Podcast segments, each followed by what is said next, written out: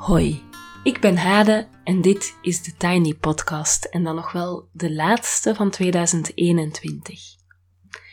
Op 18 december werden we in Nederland verrast met een nieuwe lockdown. Het hakte erin, bij mij, bij anderen.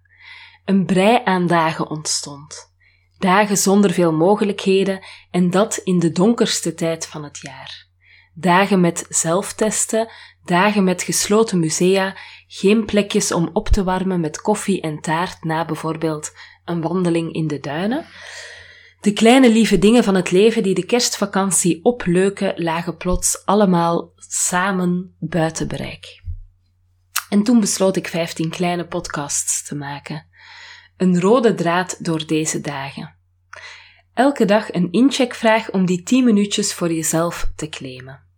Mijmerend of schrijvend. Misschien is het wel leuk om er dus een apart boekje voor te nemen. Daar ben je vast al lang mee bezig. En ik zag ook uh, Mirella Klaassen op uh, Instagram die zelf boekjes maakt. Uh, iets wat ik ook eigenlijk heel graag zou leren doen. ik zie bij haar ook heel veel mooie boekjes voorbij komen. Um, die zag ik ook dat ze daar dus een eigen boekje voor gemaakt had. Om dus elke dag even te schrijven rond deze incheckvragen. Um, Voilà. Ik geef je ook elke dag een suggestie, een boek, een serie, een film, een podcast of nog iets anders. Elke weekdag. Ik ben op 20 december begonnen en ik doe dit tot en met uh, eh, 7 januari. Dit is dus dag 10, de laatste dat we terugblikken op 2021. En de vraag voor vandaag is: wat dreef jou in 2021? Was dat bijvoorbeeld lef, liefde of angst? Of nog heel veel andere dingen. Dat kan natuurlijk gewoon ook. Neem even je tijd om te denken, om te schrijven en ik ga zo dadelijk op je vraag, op deze vraag dus ook in. Voilà. Ik tel dan in mijn hoofd altijd tot vijf en dan mag ik van mezelf uh, beginnen antwoorden. Ik ben erg gevoelig om gedreven te worden vanuit angst. Angst om tekort te schieten, angst om te weinig te zijn, te weinig te hebben en gek genoeg ook angst om te veel te zijn. Heel concreet kan dat eruit zien als een vraag krijgen als ondernemer, waar ik niet helemaal warm van word en dan simpelweg niet nee kunnen zeggen, maar heel erg beginnen twijfelen en dan gaan er dingen rond mijn hoofd als, of door mijn hoofd bedoel ik, als, um, ben ik niet ethisch verplicht om mijn eigen broek te kunnen ophouden, met andere woorden, om het financieel alleen te kunnen redden als ondernemer?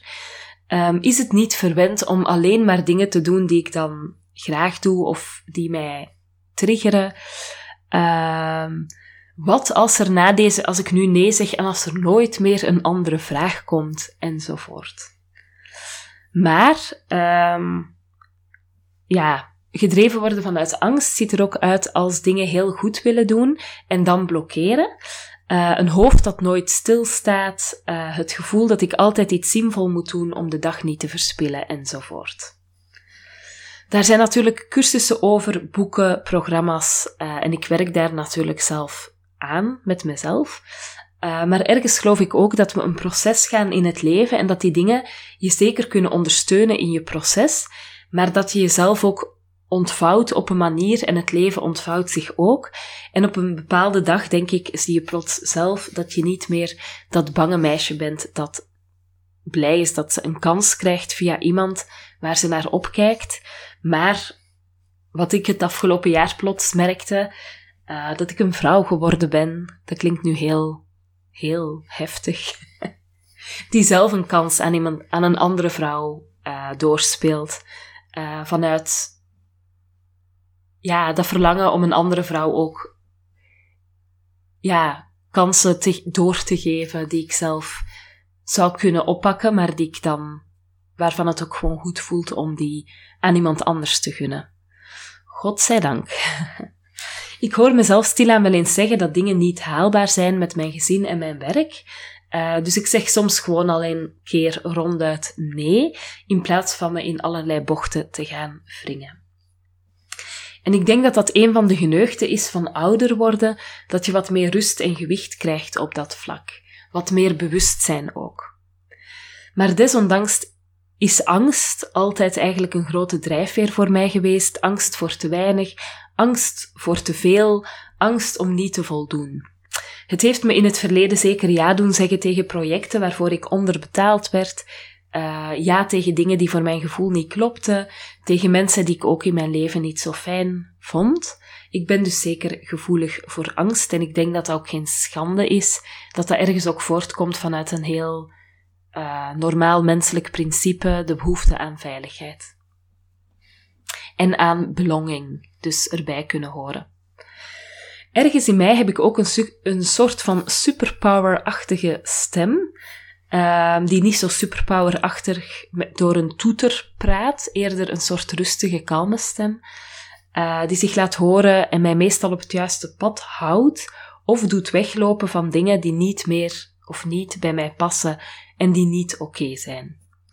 Dat is dan glashelder en heel fijn. Intuïtie is dan voor mij ook echt een drijvende kracht. Liefde, lef, vertrouwen.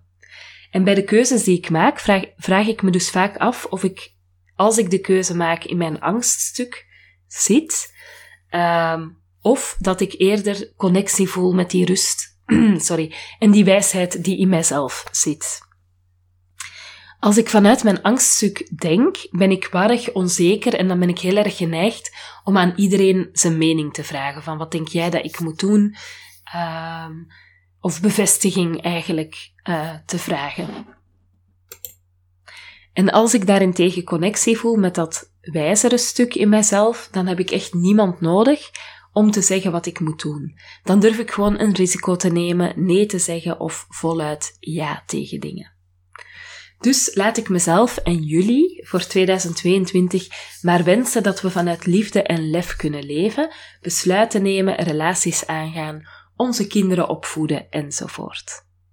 Ik wens jullie van harte een heel fijn nieuw jaar en zoals telkens eindig ik met een tip.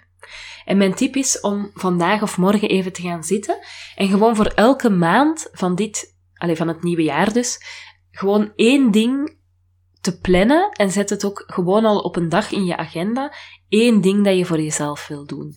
Um, dat kan gaan van een wandeling, een momentje in de sauna, um, weet ik veel, een weekend weg, een week weg als je in de gelegenheid bent en als dat is wat jij wil doen. Um, iets zelf maken, uh, een cursus boekbinden of zo starten, ik zeg maar iets. Zet elke maand, en dat mag echt gewoon ook iets heel klein zijn, maar zorg dat je elke maand één dingetje hebt en dat je dat nu al in beeld hebt. En dan mag er gebeuren wat er gaat gebeuren in 2022. Niemand zegt dat je die uh, activiteit niet kan verplaatsen als het echt nodig is, maar volgens mij is het wel heel goed en belangrijk om, uh, ja, minstens één keer per maand die eigen tijd uh, te maken. Voilà. En dan nog uh, misschien een kleine oproep. Uh, als je van deze podcast geniet, dan uh, kan je mij altijd steunen door in 2022 deel te nemen aan een van mijn cursussen. binnenkort ga ik daar een overzicht van maken, ehm, ook via de nieuwsbrief uitzetten. dus eventueel kan je mij een mailtje sturen, dan zet ik je op mijn mailinglijst en dan krijg je die informatie. En dan hoop ik je van harte terug te zien in een van de trajecten. Voilà. Tot zover voor vandaag. Je kan me volgen op Instagram, TheTinyPodcast. Als je je abonneert via bijvoorbeeld Google of Apple Podcast in Spotify of in je favoriete podcast-app, krijg je telkens de nieuwste aflevering in je overzicht. Als je de podcast doorstuurt naar iemand die er ook graag naar luistert of hem deelt op social media, dan help je me om de podcast te laten groeien. En voor nu wens ik je een heel fijne dag en heel veel goeds en tot gauw.